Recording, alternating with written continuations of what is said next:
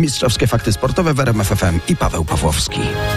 Spotkali się ze sobą w fazie grupowej i podzielili się punktami. Dziś zagrają o brązowe medale piłkarskich Mistrzostw Świata. Chorwacja kontra Maroko to spotkanie już o 16. Dla obu zespołów będzie to spięcie klamrą tego mundialu, bo przecież starcie Chorwacja-Maroko zakończone remisem 0 do 0 obserwowaliśmy na samym początku mistrzostw w, gru w grupie F.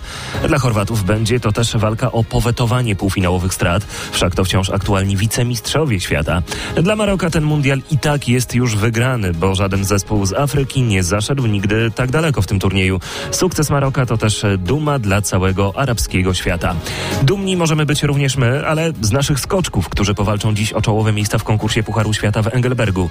Na skoczni zobaczymy dziś sześciu biało-czerwonych, na co licz lider kadry Dawid Kubacki. Na dobre skoki. E, to jest e, to, co się nie zmienia. Uważam, że wiem, co mam robić, wiem, jak to zrobić, no i chcę, chcę z tego korzystać. Mówił pewny siebie Kubacki. Konkurs ruszy o 16.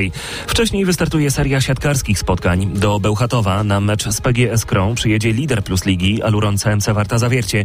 Po południu Indykpol AZS Olsztyn zmierzy się z grupą Azoty Zaksą. Mocne strony gospodarzy z Warmii? Zagrywka i blok obrona. Bo nad tym najwięcej pracujemy i to jest nasza siła. Mówił zawodnik AZS-u Jakub Hawryluk. Serię dzisiejszych spotkań zamkną wieczorne derby Śląska. GKS Katowice podejmie Jastrzębski Węgiel, który jest wiceliderem ligowej tabeli.